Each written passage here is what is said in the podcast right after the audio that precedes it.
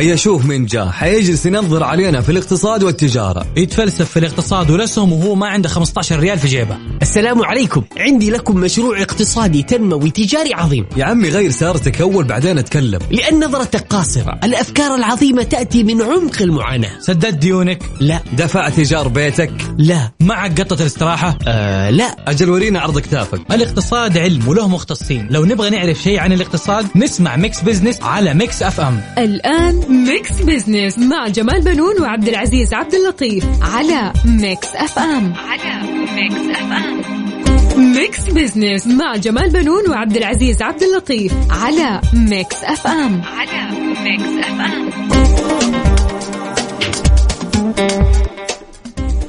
أهلا ومرحبا بكم مستمعينا أنا جمال بنون أحييكم من Mix FM وبرنامج Mix Business أرحب بزميلي عبد العزيز عبد اللطيف الذي يشارك في التقديم. أهلا ومرحبا عبد العزيز. مرحبا أستاذ جمال ومرحبا بكم مستمعينا عبر أثير إذاعة Mix FM. وفي حلقة جديدة من Mix Business هالبرنامج يأتيكم كل أسبوع في نفس هالوقت طبعا يتناول القضايا الاقتصادية ونبسط رؤية 2030 بحيث تكون أسرع فهما وهضما.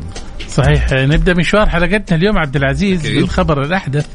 طبعا آه، أعلنت الأكاديمية المالية انطلاق أعمال آه، الدفعة الأولى من برنامج قادة المستقبل المالي الذي يعد البرنامج الأول من نوعه على مستوى المملكة لاستشراف المستقبل المالي وإعداد وتطوير قادة المستقبل المالي في المملكة بما يتواءم مع التوجيهات المستقبلية وبرنامج التحول الوطني ورؤية المملكة 2030 وأوضح المدير العام للأكاديمية المالية مانع الخمسان أن البرنامج يستند في جوهره إلى ركائز استراتيجية والتمكين من خلال تنمية وتطوير جيل قادة المستقبل المالي والتعاون بالتفكير والابتكار الجماعي. صحيح عبد العزيز كمان المبادرة تهدف إلى تأجيل الكوادر البشرية العاملة في القطاع المالي وتنميتها وتطويرها والارتقاء بمستواها وقدراتها الفنية والمهنية بما في ذلك القيادات الإدارية وأعضاء مجالس الإدارات في منشآت القطاع المالي فضلا عن بناء معايير مهنية متخصصة للوظائف الأساسية في كل قطاع. طبعا من جهة أخرى أستاذ جمال يذكر أن برنامج قادة المستقبل المالي يعقد بالتعاون مع أربعة شركاء دوليين وبمشاركة 17 خبيرا واستشاريا ماليا وسيمتد على مدار أربعة أشهر أنا أعتقد يعني ما شاء الله تبارك أكيد. الله يعني آه يعني دورة مهمة الحقيقة صحيح. ويح- ويحتاجوها الكثير من الشباب آه من جهة أخرى طبعا عبد العزيز آه أصدرت وزارة المالية البيان التمهيدي للميزانية العامة للدولة للعام المالي 2023 واشتمل البيان على أهم التطورات الاقتصادية المحلية طبعا والدولية التي تؤثر على إعداد ميزانية العام القادم. وأهم المؤشرات المالية والاقتصادية للعام المقبل طبعا وعلى المدى المتوسط. إضافة إلى أهم البرامج والمبادرات والمخطط تنفيذها خلال العام المالي القادم والمدى المتوسط. طبعا عبد العزيز للحديث حول البيان التمهيدي يسرنا أن يكون معنا من الرياض الدكتور محمد الدكتور محمد مكني أستاذ المالية والاستثمار بكلية الاقتصاد بجامعة الإمام. مرحبا بك دكتور محمد في Mix Business الله يحييك سعيد جدا بالتواجد معكم أستاذ جمال أيضا ال- ال- الأستاذ عبد العزيز وأتشرف كثير التواجد على FM. أهلا وسهلا بك. الله يحفظك. أبى أعرف يا دكتور أنت كيف آه، يعني قرأت البيان التمهيدي للميزانية العامة للدولة؟ آه، في البداية طبعا ما في شك إنه ال- البيان التمهيدي هذا اللي بتصدره وزارة المالية طبعا هو بيصدر آه، قبل نهاية السنة المالية بثلاثة شهور ويعتبر في نهاية الكوارتر الثالث. بتتوقع من خلاله الوزارة ال- ال- أهم ال- ال- يعني بناء على أهم المستجدات الاقتصادية كيف حتكون أرقام الميزانية في عام 23 ويمكن شاهدنا إنه آه، الأرقام الميزانية ال- ال- المتوقعه في العام القادم آه، أرقام متفائلة آه، امتدادا طبعا للارقام المتفائلة في العام 22 لأنه عند إعداد الميزانية ما في شك بيؤخذ في الاعتبار ال ال يعني آه، النصف الأول في عام 22 واللي كنا إحنا حققنا فيه بصراحة أرقام جدا آه، ممتازة. آه، وصلنا في فائض في الإيرادات عندنا حوالي 135 مليار في النصف الأول. رغم إنه المتوقع حتى نهاية هذا العام أن يكون عندنا فائض حوالي 90 مليار فإحنا تجاوزنا المتوقع. فبناء على هذه المعطيات أيضا كان عندنا توقعات انه نحقق في العام 23 يعني إيرادات بحوالي 1 آه، تريليون و123 وإجمالي نفقات حوالي 1 تريليون و114 وحيكون عندنا المتوقع في السيناريو المتحقق لأنه الميزانية بتعد على أكثر من سيناريو. نعم. في هذا السيناريو المتوقع أن نحقق حوالي 9 مليار فائض. لكن في حال إنه إحنا اتجهنا للسيناريو الأفضل وبالتالي هذا طبعا وفق معطيات معينة آه، يعني لو كان الاقتصاد آه، أداؤه أفضل من كذا واستطعنا إنه إحنا نحقق يعني إيرادات أكبر فقد نصل إلى 78 مليار آه، فائض في الميزانية. واليوم الحقيقة يعني إحنا اللي بنشاهده إنه أغلب هو كان متوقع 90 صح ولا لا يا دكتور؟ في العام 22 نعم إحنا نعم. في عام 22 المتوقع أن يكون هناك فائض بحوالي 90 مليار لكن أنا بتحدث على المتوقع لميزانية 23 نعم. في عام 23 هناك ثلاث سيناريوهات وضعتها وزارة المالية السيناريو المتحفظ أو المعتدل أو الاساسي إنه يكون عندنا فائض حوالي 9 مليار وفي حال كان الحراك الاقتصادي أفضل وحققت يعني الدولة إيرادات أكبر فقد نصل إلى فائض حوالي 78 مليار في عام 23 وطبعا هذا بيعتمد على كثير من المعطيات. يمكن كلنا شاهدنا كيف إنه الأزمة أزمة الطاقة ساعدت كثير في إنه نحقق إيرادات كبيرة في الأنشطة النفطية في عام 22 خصوصا بسبب الظروف الجيوسياسية الحرب الروسية الأوكرانية اللي دفعت بأسعار النفط إنه هي ترتفع يعني بمتوسط 55% آه وهذا طبعا ارتفاع كبير وصلت إلى ما يقارب ال 129 في سعر البرميل وهذا لم يتحقق منذ عام 2008 في نفس الوقت السعودية يعني حققت أو خلينا نقول زادت من إنتاجها في في, النفط بمعدل حوالي 10 ونص آه، برميل يوميا وهذا طبعا آه، مستوى إنتاجي مرتفع ساعد انه إحنا نشاهد هذه الأرقام التفاؤليه في الميزانية وما في شك إنه هي يعني بتعكس أيضا الجهود الكبيرة اللي قامت فيها الحكومة في مواجهه التحديات والأزمات المختلفة وكان أحد أهم أكبر التحديات هو الخروج والتعافي من جائحة كورونا حينما أعلنت السعودية التعافي بنهاية عام 21 أضف إلى ذلك أنا أعتقد اليوم إحنا نواجه أزمة أيضا ألا وهي أزمة التضخم إلا انه هناك احتواء لهذه الأزمة بشكل آه يعني جدا رائع. قاعدين نشاهد سواء المحفزات أو يعني السياسة المالية اللي بتتبع في السعودية آه طبعا تبعا للسياسة المتشددة الموجودة يعني مع الفدرالي الأمريكي بحكم ارتباط الريال مع الدولار إلا أن إحنا بنتوقع أن يكون هناك احتواء للتضخم عند حوالي 2.6% في العام الحالي عام 22 وأيضا يكون أقل من ذلك في عام 23 عند حوالي 2.1%. نعم. آه، دكتور محمد من الواضح أن القطاع الخاص سيقود النمو الاقتصادي بنمو الناتج المحلي للأنشطة غير النفطية. صحيح. طبعا هذا هو الهدف الأساسي اليوم من رؤية 2030. يعني الرؤية جاءت من أجل نعم. أن يكون هناك آه يعني آه زيادة في إيرادات الأنشطة غير النفطية. السعودية يعني لعقود وهي تعتمد الحقيقة ل آه أو يعني على الإيرادات النفطية. فكل ما كان عندنا آه يعني زيادة إيراد في هذا الجانب كانت الدولة بتقوم بعملية التوسع في المشروعات وغيرها أو العكس تماما في حال إنه كان عندنا ركود في آه الأنشطة النفطية. لكن اليوم الهدف الحقيقة من الرؤية اللي انطلقت في عام 2016 أن يكون هناك توازن نعم مهم جدا أن يكون عندنا إيرادات نفطية ولكن في الجهة المقابلة مهم أن يكون لدينا أنشطة غير نفطية مدعومة ويعززها الحراك في القطاع الخاص حتى إنه ما يكون هناك يعني خلينا نقول الاقتصاد المحلي يعاني آه، ويكون مرهون بتحركات أسعار النفط الغير مضمونة. وهذا طبعا ما في شك بنشاهده اليوم. يعني اليوم أسعار النفط في فترات ترتفع إلى مستويات عالية جدا حسب الظروف الاقتصادية. وأيضا شاهدنا كيف كان هناك هبوط حاد في العام 2021 حينما وصلت إلى مستويات أقل من 50 دولار للبرميل.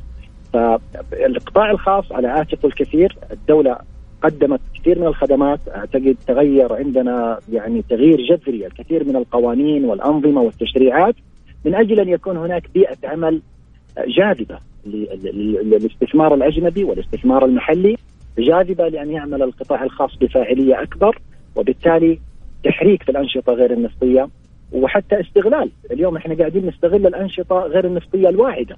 يعني كنا نسمع إن هناك يعني آه، مثلا القطاع السياحة، قطاع الفندقة، قطاع الضيافة، لكن ما كانت حقيقة بتعمل بنفس الجودة ونفس المهارة اللي اليوم إحنا قاعدين نشاهدها. اليوم قاعدين نشاهد قطاع الترفيه يقدم أرقام عالية، قطاع السياحة يقدم أرقام مرتفعة، القطاعات الواعدة هذه قطاعات الحقيقة تستطيع أن تقدم للاقتصاد المحلي الكثير من الأرقام الضخمة نعم، وهذه صحيح. كلها ما في شك ستعزز الميزانية العامه للدوله وأظن حصل حراك اقتصادي موسع في كافة المجالات صح دكتور؟ أكيد أكيد ال- اليوم هذا يعني فعلا إحنا هذا اللي قاعدين نلمسه والأرقام يعني لا يعني لا تكذب، الأرقام الحقيقة هي خير شاهد. لو نذهب إلى كل قطاع من القطاعات الموجودة عندنا اليوم في السعودية لوجدنا إنه هناك حقيقة ارتفاع. حتى ال ال يعني هذا ال- الحراك في الأنشطة غير النفطية انعكس على مستويات التوظيف عندنا، ومستويات معدلات البطالة. يمكن آه، هيئة الاحصاء أعلنت قبل يومين إحنا وصلنا ل آه، يعني معدل بطاله 9.7%. ما تحقق هذا الرقم الحقيقة منذ يعني أكثر من عشر سنوات. آه ليه؟ لأنه أصبح عندنا حراك في الأنشطة غير النفطية، هذا الحراك أدى إلى أن يكون هناك خلق في الوظائف ومسألة خلق الوظائف هذه في غاية الأهمية من أجل الشباب والشابات الم- المقبلين على العمل. آه عندنا مستهدف أيضا في الرؤية. ان نصل بهذا الرقم إلى حوالي 7% في 2030 نعم.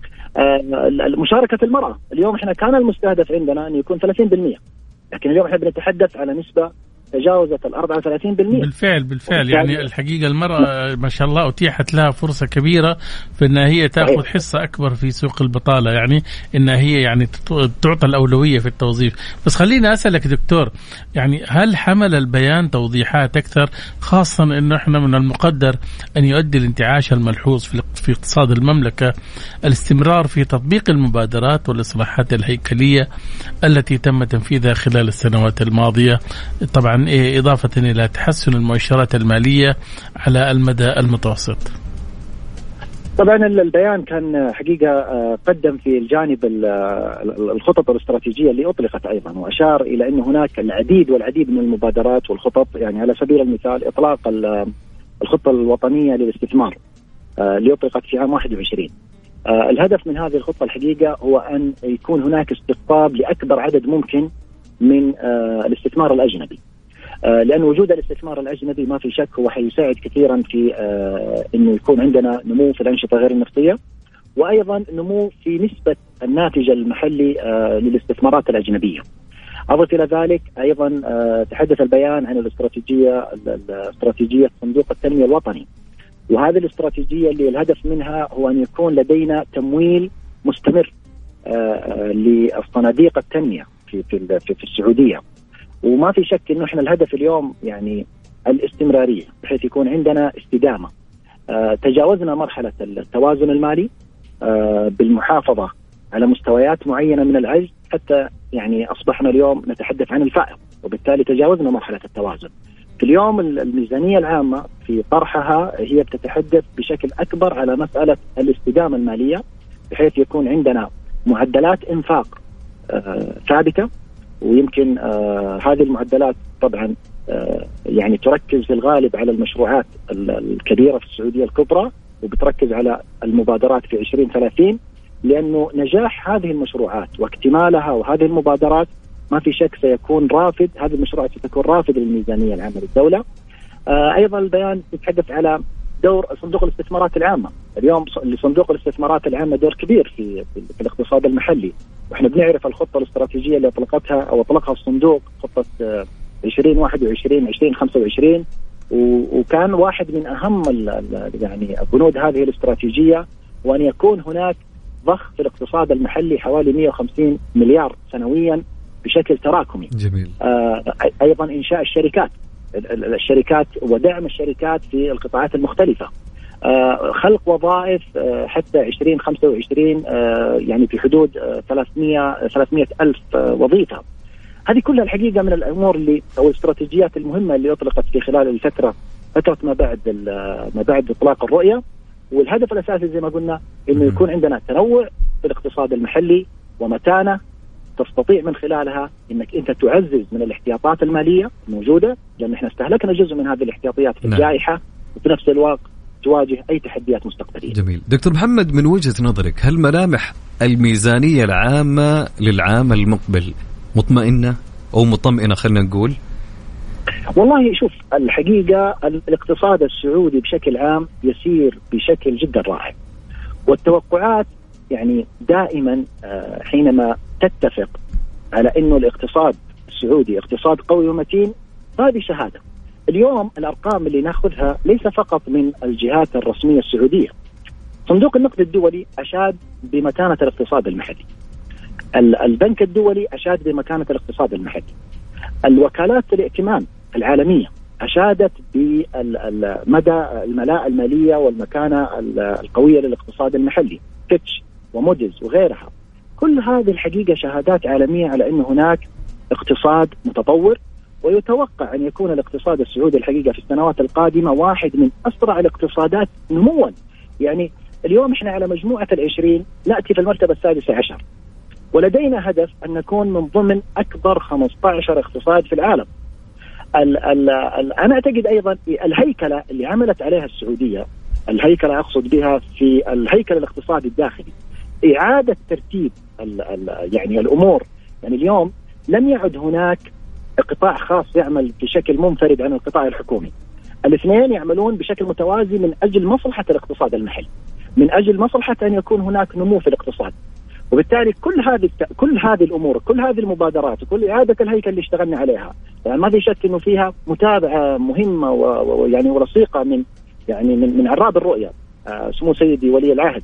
وكل القائمين الحقيقة في في ال في ال في الوزارات وفي الجهات المسؤولة يعني قاعدين نشاهد عمل يعني متكامل الحقيقة هذا يعطيك تفاؤل إنه فعلا إحنا مقبلين نعم. في الاقتصاد السعودي على أرقام آه، جدا مميزة وستكون بإذن الله تعالى آه، يعني ستنعكس ما في شك على المواطن والمقيم في هذا البلد. بإذن الله تعالى دكتور محمد انتهى وقتنا شكرا لمشاركتك معنا اليوم.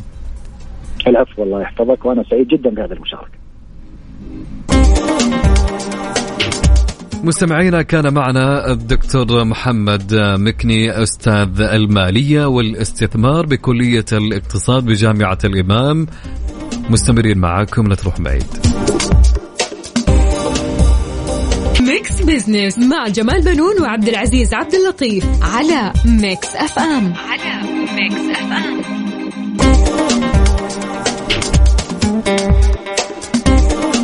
أهلا بكم من جديد مستمعينا عبر أثير إذاعة Mix FM. طبعا حلقتنا دسمة وخفيفة أنا ومع الأستاذ جمال بنون. أهلا أستاذ جمال. أهلا وسهلا عبد العزيز واهلا بالسادة المستمعين. كالعادة في فقرات هاليوم نوه لكم هالفقرات بشكل سريع. في فقرة على السريع نستعرض أبرز الأحداث والأخبار الاقتصادية مع تعليق على بعض منها. وفي فقرة حسبة ونسبة السؤال المطروح على مواقع التواصل على تويتر. سؤالنا اليوم يقول أستاذ جمال بمناسبة يوم القهوة العالمي.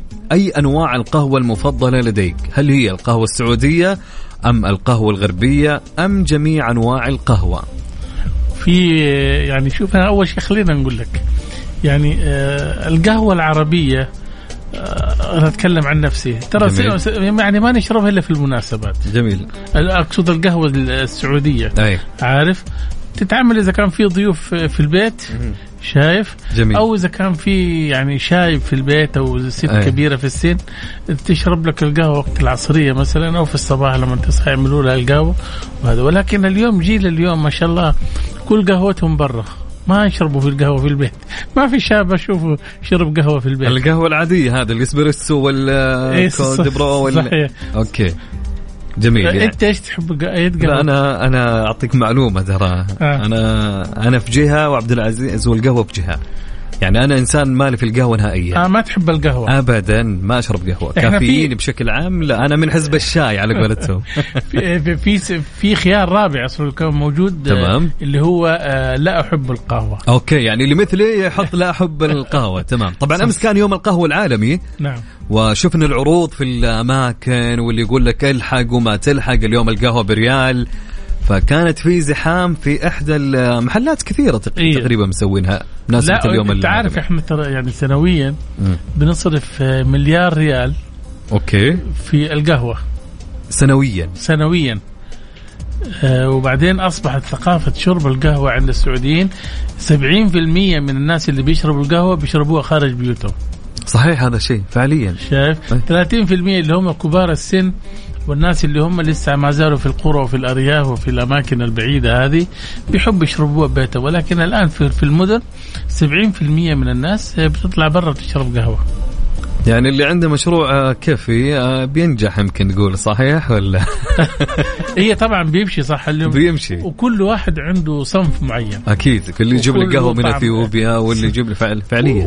وتعرف آه، بس نرجع في اخر في آخر نعطيهم معلومات عنها. أيوه شايف؟ ونبغى يتفاعلوا معنا. أكيد. طبعا سؤالنا يقول بمناسبة يوم القهوة العالمي أي أنواع القهوة المفضلة لديك؟ هل هي القهوة السعودية أم القهوة الغربية؟ أم جميع أنواع القهوة؟ أم الختيار الرابع آه لا تشرب أو ما تحب أي قهوة. طبعا شاركونا أكيد على مواقع التواصل الاجتماعي على تويتر أو على الواتساب. خلو خلوني أقرأ رسائلكم على الواتساب. ارسل لي إجابتك على 054 88 11700 عيد الرقم مرة ثانية عشان تلحق تسجل.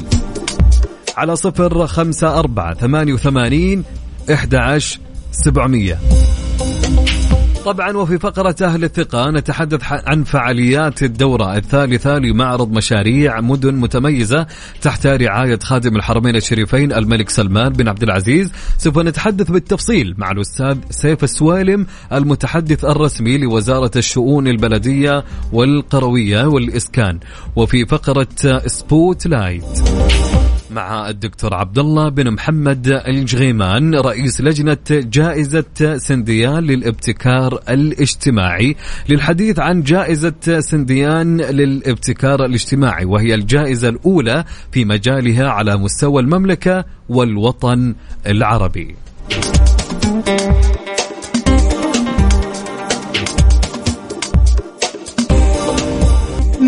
Business مع جمال بنون وعبد العزيز عبد اللطيف على Mix FM على Mix FM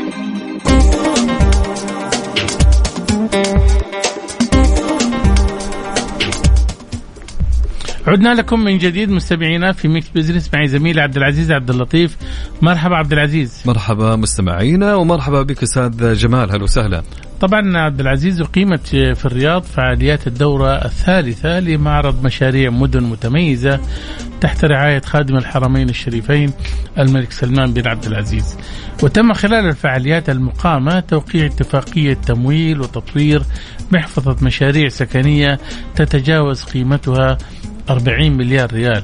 طبعا نتحدث بالتفصيل حول هذا المعرض وأهم المشروعات التي تشهدها المدن السعودية مع ضيفنا من الرياض الأستاذ سيف السويلم المتحدث الرسمي لوزارة الشؤون البلدية والقروية والإسكان من الرياض. آه، مرحبا بك أستاذ سيف في Mix Business أهلا وسهلا أستاذ جمال أحييك أحيي الزميل عبد العزيز وجميع الساده المستمعين والمستمعات وشكرا لكم على هذه الاستضافة. أهلا وسهلا. حدثنا آه، عن تفاصيل هذا المعرض وأبرز ما تضمنه من فعاليات. نعم طبعا آه، معرض مشاريع آه، المدن السعودية التي الذي يعني يقيم في الأسبوع الماضي ابتداء من يوم السبت حتى يوم الأربعاء تحت رعاية كريمة من لدى خادم الحرمين الشريفين شهد يعني مشاركة فاعلة من مجموعة من الجهات من القطاع الحكومي والقطاع الخاص.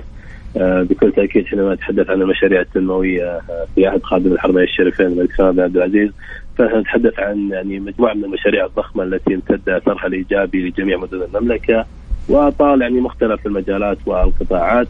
آه، بالتالي جاء هذا الحدث وهذا المعرض ليوثق يعني أبرز آه، هذه المشاريع المتنوعة ويعني يقدمها للزوار ويعرف بماهيتها وتفاصيلها مع آه، يعني استشراف مستقبلي أيضا للمشاريع القادمة التي تعمل عليها مختلف آه، الجهات الحكومية وأيضا آه، القطاع الخاص الذي يمثل شريك اساسي في آه، التنميه آه، ال- الحدث يعني شارك فيه أكثر من 70 آه، جهة حكومية وأيضا آه، القطاع الخاص تعرض جميع مشاريعها على مستوى مدن المملكة. آه، آه، كان التركيز بشكل أكبر بحكم الاختصاص على القطاعين البلدي والسكني دون اغفال طبعا بقية آه، المشاريع التي تتعلق ببعض الجهات الأخرى آه، والتي يعني تعنى بتنمية آه، المدن واستدامتها.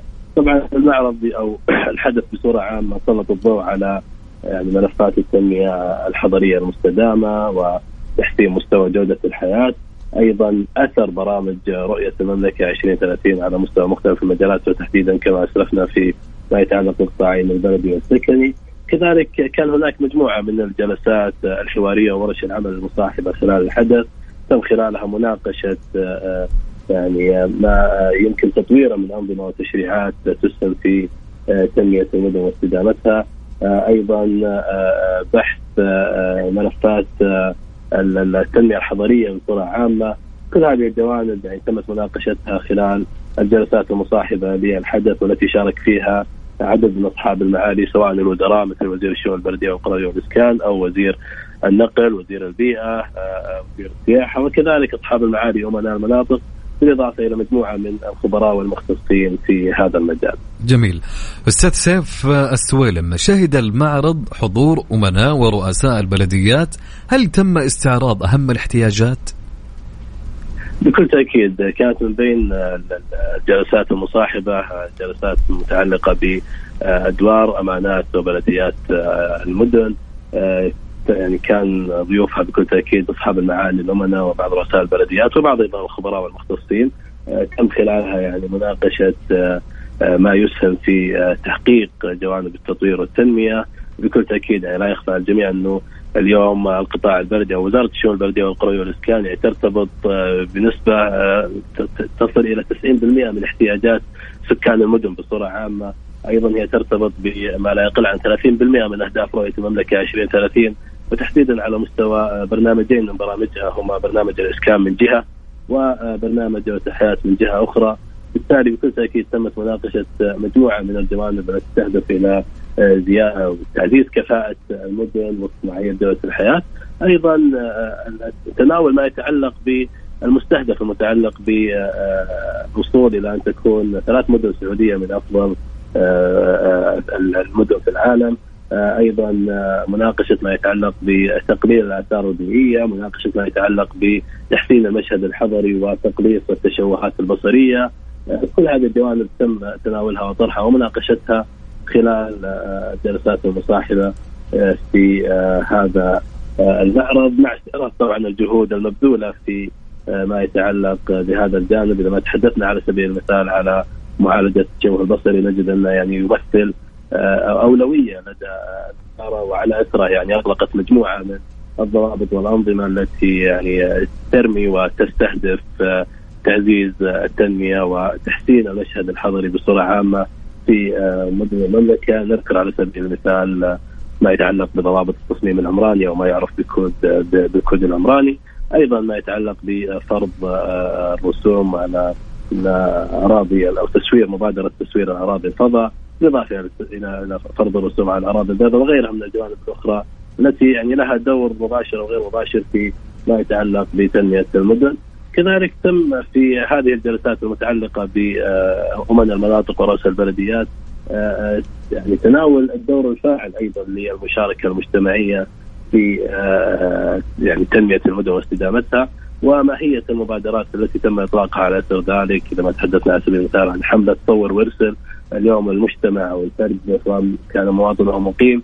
شريك اساسي الحقيقة في يعني مساعدتنا في تنمية المدن بصورة عامة بمختلف بمختلف الجوانب وهذا ما نلمسه حقيقة من تفاعل كبير من قبل إخواننا من المواطنين والمقيمين في مدن المملكه. صحيح، طب خلينا أعرف منك أستاذ سيف يعني أهم المشروعات التي تنفذ في المدن يعني وفي أي مدينة يعني إيش هي المدن الآن اللي بتشهد مشروعات؟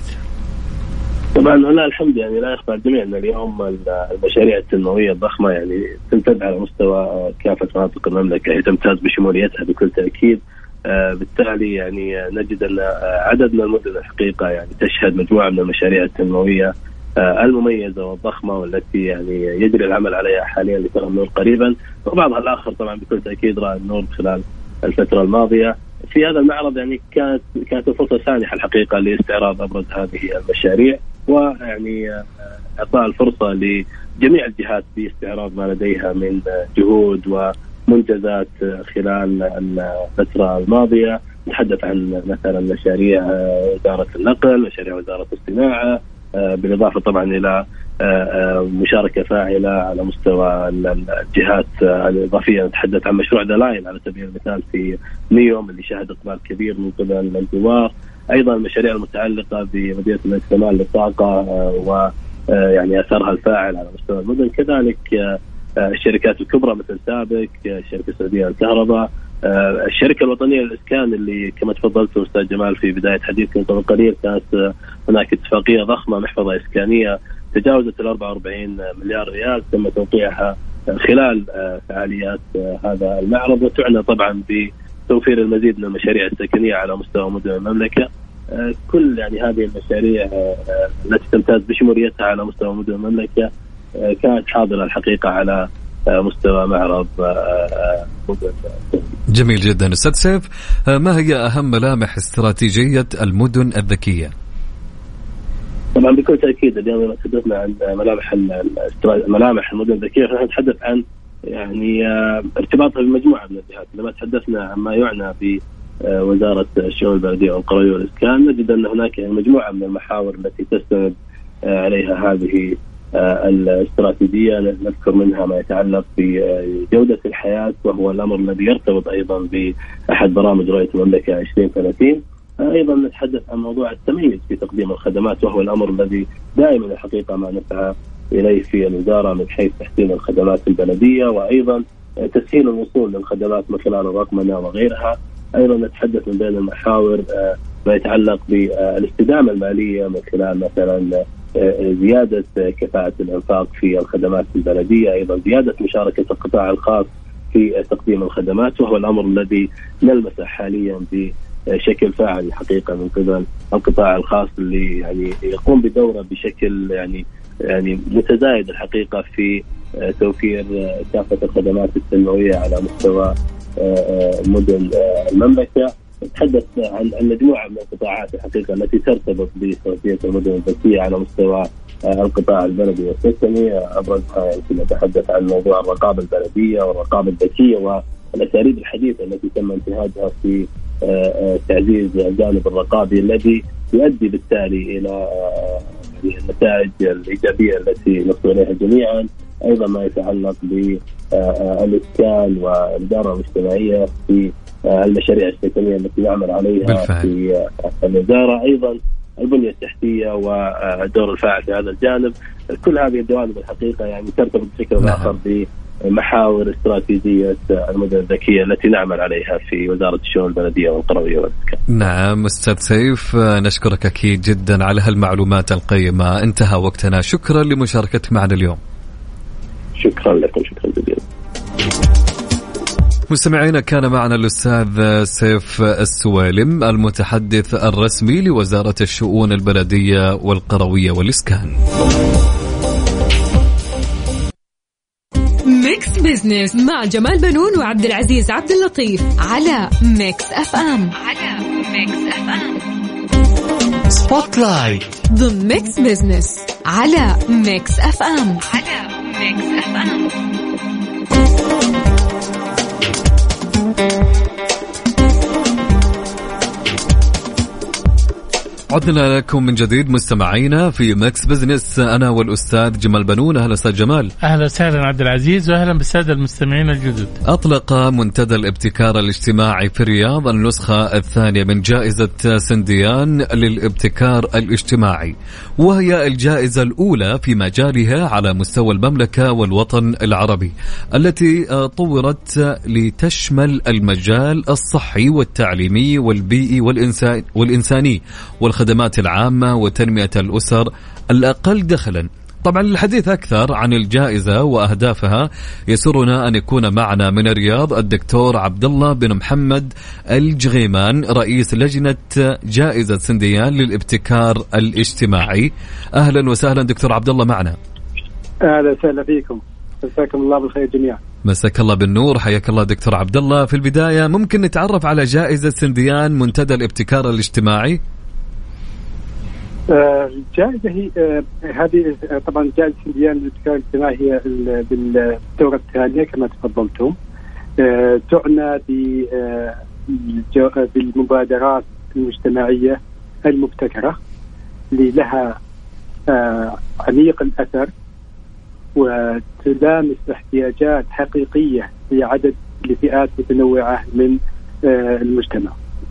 فهي باختصار تبحث عن مبادرات النوعية الجديدة اللي تعاملت مع التحديات الحياتية بطرق مختلفة وكان لهذا التعامل عميق الأثر في تحسين حياة المجتمعات. طبعا هذه الجائزة آه، تهدف بالدرجة الأولى إلى تشجيع ممكن تقسم الأهداف لثلاثه أنواع من الأهداف، أهداف متعلقة بالمبادرة نفسها وأهداف متعلقة بالمجتمع وأهداف متعلقة بالمبادرة نفسها. أما المبادرة نفسها فهي تهدف الجائزه إلى تشجيع المبادرين آه، أصحاب الأفكار الأصيلة انه يوجهون ابتكاراتهم وإبداعاتهم إلى آه، مجالات تخدم المجتمع. آه، أما ما يتعلق بالمبادرة نفسها فهو الجائزة بالتالي عندما يتم التعرف على هذه الجوائز إحنا نقوم بتعريف المجتمع بها وأيضا إنه نجود أو نطور من هذه المبادرة من خلال معايير الأربعة الخاصة بالجائزة وأيضا مرئيات المقيمين ولجنه التحكيم. أما الخاص بالمجتمع هي أهداف تتعلق بنشر الوعي بأهمية الابتكار الاجتماعي ونشر الوعي بالمبادرات النوعيه اللي يقدمها أبناء هذا البلد لهذا البلد. جميل جميل جدا. نعم. طيب دكتور خليني أعرف منك يعني آه، مخرجات هذه الجائزة ومحفزاتها إيش هي؟ يعني آه، المخرجات هي آه، في النهاية يطلع عندنا مبادرات ابتكارية ذات جودة عالية تخدم فئات المجتمع حسب المجالات اللي تفضلتم فيها قبل قليل. أما مبادرات تناول الجانب الإنساني أو الجانب الصحي أو الجانب التعليمي أو الجانب البيئي أو معالجة بعض مشكلات المجتمع مثل الفقر وغيرها من الواقع. هي المخرجات في الأساس إنها آه تعالج مشكلات حقيقية يعيشها المجتمع نعم. وتتعامل معها باصاله. نعم. المحفزات طبعا الجائزة هي محفز حقيقة لهذه لهذه المبادره فهي تقدم آه، وسام آه، آه، جائزة سنديان للابتكار الاجتماعي كما تقدم جوائز مادية وأيضا يكرمون في حفل بهيج برعاية صاحب السمو الملكي امير منطقه الرياض. هل هل المسابقة يا دكتور يعني مفتوحة لجميع الأعمار؟ نعم آه وللأفراد يعني ولا هي ممكن مؤسسات تشترك فيها؟ هي للأفراد وللمؤسسات الخاصة م. والمؤسسات الحكومية والقطاع الثاني هي مفتوحة للجميع أي أي مبادرة حقيقية تمت على الأرض الواقع يعني الشرط المهم أنها آه، تم تنفيذها وليست فقط آه، فكرة. تم تنفيذها في ارض الواقع واثبتت جدواها وكان لها عميق الأثر في آه، في حياة الناس. وهناك ما يدل على استمراريتها واستدامتها. جميل. دكتور عبد الله آه، ما هي الجهات التي تعاون معكم لتنفيذ آه، منتدى الابتكار الاجتماعي؟ طبعا إحنا عندنا عدة جهات. بالعام الماضي كان عندنا أكثر من جهة. العام الماضي كان آه، آه، أوقاف اللي هي العام الأوقاف. وكان شاركنا أيضا آه، جامعة الأعمال والتكنولوجيا جدة. ومؤسسه الملك فيصل الخيرية وسبيعي الخيرية أيضا. وأيضا بعض الجهات العالمية مثل يونسكو كانوا معنا. وال MIT Technology Review أيضا كانوا معنا و Stanford Social Innovation أيضا كانوا معنا. بنوك أيضا آه، كانوا معنا في الدورة الماضية بنك التنمية الاجتماعي الاجتماعية وبنك الرياض وصندوق العليا للتنمية المحلية. السنة هذه عندنا بعض الجهات الأجنبية إن شاء الله راح تشارك لكن حاليا كشريك السنة هذه جهات أجنبية زي إيش يا دكتور؟ عفوا؟ أنت قلت جهات أجنبية؟ يعني مثل MIT Review أيوه. اليونسكو. اليونسكو نعم. نعم. نعم. طب هل هل في إمكانية إنكم تتوسعوا في جوائز المنتدى لتشمل دول الخليج ولا هي فقط آه، آه، داخل المملكة؟ هي مرحلية حقيقة. نحن السنة الاولى الدورة الأولى والدورة الثانية محليا داخل المملكة. المرحلة الثالثة والرابعة على مستوى المنطقة العربية بإذن الله. المرحلة الخامسة آه، ننطلق إلى العالمية بإذن الله تعالى. بالتأكيد يعني عمل عظيم الحقيقة و يشكر عليه مركز إسبار الدولي الذي يخرج من تحت مظلته هذا المنتدى. آه نتمنى لكم التوفيق دكتور. شكرا جزيلا لك لمشاركتك معنا. شكرا للدكتور. الله يعطيك العافية. مستمعينا كان معنا الدكتور عبد الله بن محمد الجغيمان رئيس لجنة جائزة سنديان للابتكار الاجتماعي. لا تذهبوا بعيدا.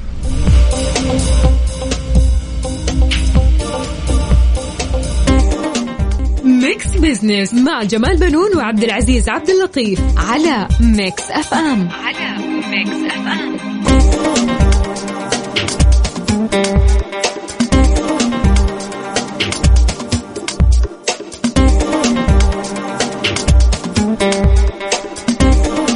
أهلا بكم من جديد مستمعينا عبر أثير إذاعة Mix FM. أنا أخوكم عبد العزيز عبد اللطيف ومعايا الأستاذ جمال بنون. أهلا أستاذ جمال. أهلا وسهلا عبد العزيز وأهلا بالسادة المستمعين. طبعا كان يقول سؤالنا أستاذ جمال بمناسبة يوم القهوة العالمي أي أنواع القهوة المفضلة لديك؟ هل هي القهوة السعودية أم القهوة الغربية أم جميع أنواع القهوة أم لا أحب القهوة؟ فيا ليت تشاركونا آراءكم على سؤالنا على الواتساب على الرقم 054 88 11700 عندك معلومات أستاذ جمال على سؤال والله اليوم؟ شوف أقول لك حاجة يعني طبعا أنا قلت إنه ألف يعني آه، آه، استهلاكنا إحنا يعني بما يتجاوز جميل. أكثر من مليار ريال في السنة آه، بما يتجاوز 80 ألف طن من البن اللي إحنا بنستخدمه شايف السعودية من أكثر دول العالم استهلاكا للبن بلغت الكميات المستوردة سنويا للأسواق السعودية من البن نحو 73 ألف طن. آه، طبعا آه، في بعض المتخصصين يتوقعوا أنه بحلول عام 2025 سيصل الإنفاق على القهوة خارج المنزل إلى نحو 70% بمعدل نمو سنوي مركب يتراوح بين 18 إلى 32% أنا أشوف إنه اليوم أصبحت جزء يعني من ثقافة المجتمع عندنا هي إنه لازم الواحد في الصباح لما يقوم قبل ما يروح الدوام يروح يقعد له في كافيه مثلا يشرب القهوة حقته وبعدين يروح الدوام. أو إذا وصل المكتب أول شيء يشرب القهوة وبعدين هذا. ولا أنت إيش تقول عبد العزيز؟ أكيد تقريبا. يمكن ياخذوه كعادة وروتين في اليوم. إيه؟ نبدأ صباحه بالقهوة. صحيح. يروق إلى ما يروح الدوام أو تلقاه في الدوام هو جاي على الدوام اليوم إحنا عندنا أصناف كثيرة يعني عبد العزيز من القهاوي الموجودة. أكيد. عندنا يعني قهاوي كل العالم موجودة ترى عندنا. عندنا القهوه الفرنسية القهوة التركية القهوة الأمريكية. الايطاليه بس أنا والله دي يعني ملاحظة إنه القهوة السعودية ضعيفة من بين هذه كل القهاوي. يعني كل يعني أنت هذه تأخذها تروح تقعد لك في كافيه ولا شيء تأخذ لك أنت بطريقة مرتبة. إلا القهوة السعودية تأخذها بطريقة يعني إيش؟ يحتاج وقت وما لازم تنزل من السيارة وتروح تقعد في مكان بعدين تاخذها أما آه، القهوة الثانية ممكن تاخذها بالسيارة وأنت قاعد فيها يعني صح ولا لا؟ ولا أنت إيش رأيك؟ هو تقريبا آه، نحن كنا نتكلم تحت الهواء أنا وأنت على الدواوين الحاصله اللي نشوفها كثير إيه؟ ففي أماكن خاصة للقهوة العربية فأصحاب القهوة العربية دائما يرتادونها ودائما تكون جلساتهم فيها. جلسات آه، بيت شعر كنظام وتصميم البيوت الشعر ومن إلى تعطيهم طابع التراث أيام زمان. في صحيح. في في جلستها والقهوة والطحينية والمعمول والتمر. فلها جو خاص ثاني بكل أمانة. فكثيرين يعني يرتادون هالأماكن فهي جميلة بكل أمان. أما أصحاب القهوة الثانية أكيد يعني بتلقاهم أكثر في الكافيهات وجالسين اللي يلقاه يصور واللي يلقاه. لا وحاجة كمان ألاحظ فيها القهوة السعودية لما تلبسها أحس إنك أنت تشربها وأنت لابس توب. أقول لك آه، زميلنا حسين الكاف طبعا رصد لنا هنا آه، الإحصائية اللي موجودة اليوم في تويتر. نسبة 25% آه، بيقولوا القهوة السعودية. يعني بيحبوا يشربوها. جميل. آه وهذه نسبة ضئيلة زي ما تكلمنا إحنا الآن الحقيقة. وفي القهوة العربية آه في حدود آه 21% وهذه كمان النسبة آه العرب والقهوة السعودية نسبة نسب ضئيلة طبعا. جات جميع أنواع القهوة بنسبة 39% نسبة أكبر يعني. و14% اللي ما بيحبوا القهوة يا عبد العزيز. تقريبا مثلي أنا اللي ما يحبون أي قهوة نهائيا. إذا جيت أختار يمكن أختار القهوة السعودية. إيه. أكون مع الوطن في القهوة يعني أكيد. أكيد طبعا عبد العزيز إحنا وصلنا أكيد. إلى نهاية آه، حلقتنا اليوم. وحاولنا إحنا نقدم يعني آه، مادة يعني آه، إن شاء الله تكون يعني إيش حلقة دسمة أكيد. وطبق من المعلومات المفيدة.